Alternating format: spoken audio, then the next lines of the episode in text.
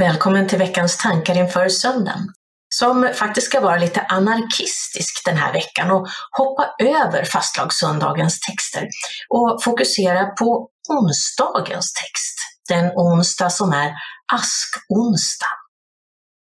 Askonsdagen brukar kallas för lilla långfredagen. Det är den dag när den 40 dagar långa påskfastan inleds. Och fastan är i sin tur en tid när vi varvar ner, saktar in på tiden, låter eftertanken ta plats, övar oss i måttfullhet och börjar vår förberedelse inför den stora festen, den stora firandet av påskens mysterier. Måttfullhet, sa jag. Just det där med måttfullhet, det är en utmaning i vår tid. För vi lever i en tid av överflöd, men också en tid där allting handlar om att utmärka sig. Det gäller att vara bäst, starkast, vackrast, smartast eller mest tolerant. Och kan man inte vara det, då kan man satsa på att istället vara mest högljudd, mest kränkt eller helt enkelt bara värst.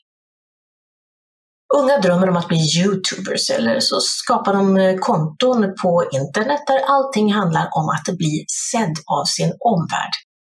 Och det ska handla om att bli beundrad för den man är, eh, hur man ser ut, vad man gör. Allt handlar om att synas. Syns vi inte så finns vi inte.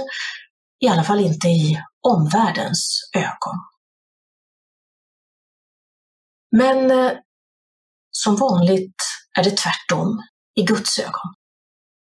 När eh, stora folkmassor samlades för att lyssna till Jesu undervisning, ja, då höll han vid ett tillfälle det som vi känner som bergspredikan. Det är en lång undervisningssekvens där Jesus undervisar människorna som samlats i eh, bön, solidaritet med sina medmänniskor och eh, också i fromhet. Evangelisten Matteus, han skildrar bergspredikan och vi ska få lyssna till en liten, liten del av bergspredikan nu. Och evangelisten skriver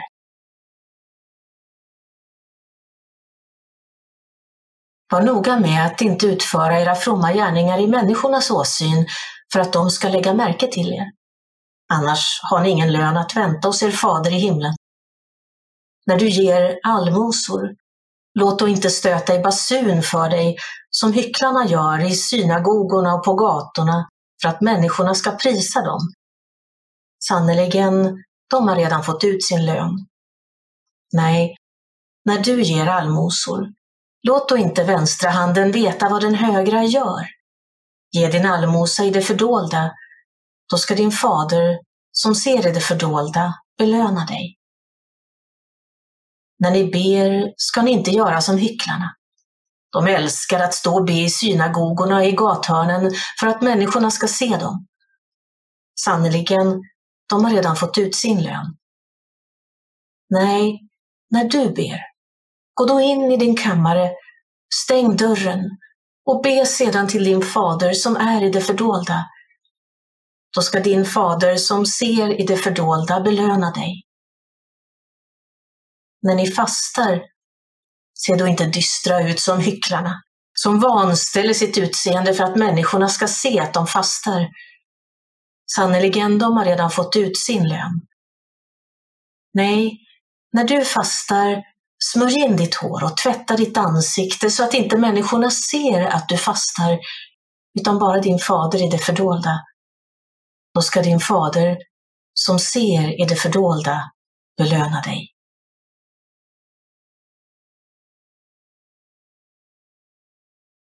Jaha, ja.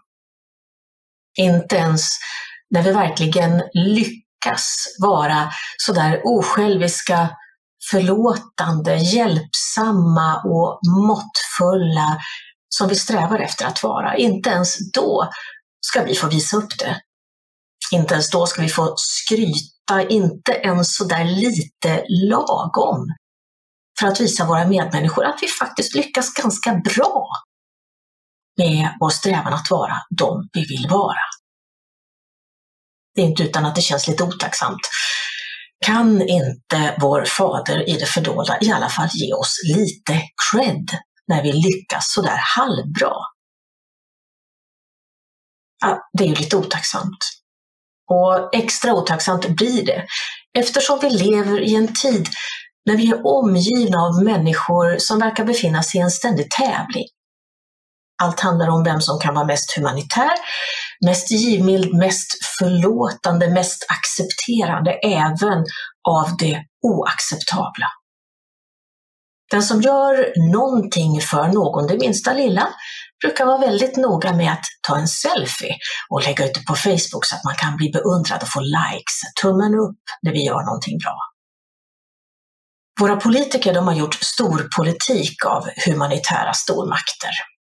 Att eh, framstå som godhetens apostlar i ett globalt perspektiv och våra religiösa ledare, ja faktiskt också kristna kyrkoledare, de brukar vara väldigt duktiga på att tala om för oss hur vi andra ska bete oss, vad vi ska tycka och tänka och hur vi ska agera för att bevisa för dem och för varandra att vi hör hemma i deras fina godhetsklubbar. Vad är det då för fel med det? Ja, fel och fel. Det är väl inget fel med att göra gott. Inget fel med att hjälpa sina medmänniskor. Men att lägga upp det på Facebook och försöka få cred av sin omvärld och av kyrkor också för den delen, det är inte särskilt kristet i alla fall. Det är inte ens godhet, säger Jesus. Nej, med Jesus ord så är det här faktiskt ett ganska bra mått på hyckleri. För när vi gör någonting för vår medmänniska så ska inte vi stoltsera med det. Texterna är väldigt tydliga med det. Gud ser allt vi gör. Gud känner våra hjärtan. Gud som är i det fördolda ser också i det fördolda. Det goda vi gör för att själva få cred, för att bli berömda, för att få likes, det är ingenting värt. De böner vi ber till Gud för att bevisa för Gud eller för den skull för våra medmänniskor att vi är sådär fantastiskt fromma och beundransvärda kristna. De bönerna faller platt till marken. Anledningen tror jag är enkel. Gud är inte intresserad av att vara en domare i en andlig idoltävling med hela omvärlden som publik. Nej, Gud vill möta dig och mig på ett annat plan, på riktigt, i våra hjärtan. Det mötet, det sker helt utan publik. Och där, utanför omvärldens ögon, där vill Gud möta oss på riktigt, i våra hjärtan, för att förändra oss på djupet. Förvandla oss så att vi väljer att göra det goda, inte för att själva få beröm för det eller för att visa upp oss för omvärlden, utan för att vi på riktigt älskar vår medmänniska just för att Gud älskar vår medmänniska. För att vi älskar Gud, för att Gud själv först älskade oss. En sån kärlek, det är en kärlek som inte söker uppmärksamhet. Det är en kärlek som bara är. Men när vi är där då, när vi möter Gud i våra hjärtan, utanför världens granskande ögon och utanför Facebookflödenas beröm och likes. Hur ska vi då tala till honom? Orden kanske inte vill komma. Kanske inte vet. Hur ska jag tala till dig Gud idag? Jag vill, men jag hittar inte orden. Ja, Jesus vet att det är så också. Och bara några verser senare än dagens evangelietext som vi fick lyssna till nyss, så ger faktiskt Gud oss ett tips.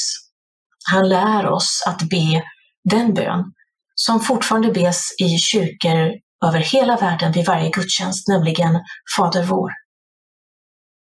Så um, jag tänker att vi avslutar de här tankarna tillsammans. Vi ber tillsammans den bön som vår Herre Jesus Kristus själv har lärt oss att be. Och vi ber på det språk som ligger närmast vårt hjärta. Så låt oss be. Fader vår som är i himmelen. Helgat var det ditt namn, tillkomme ditt rike. Ske din vilja, så som i himmelen så och på jorden. Vårt dagliga bröd giv oss idag och förlåt oss våra skulder så som och vi förlåta dem oss skyldiga äro. Och inled oss icke i frestelse, utan fräls oss ifrån ondo. Ty riket är ditt och makten och härligheten i evighet. Amen. Gud välsigne dig.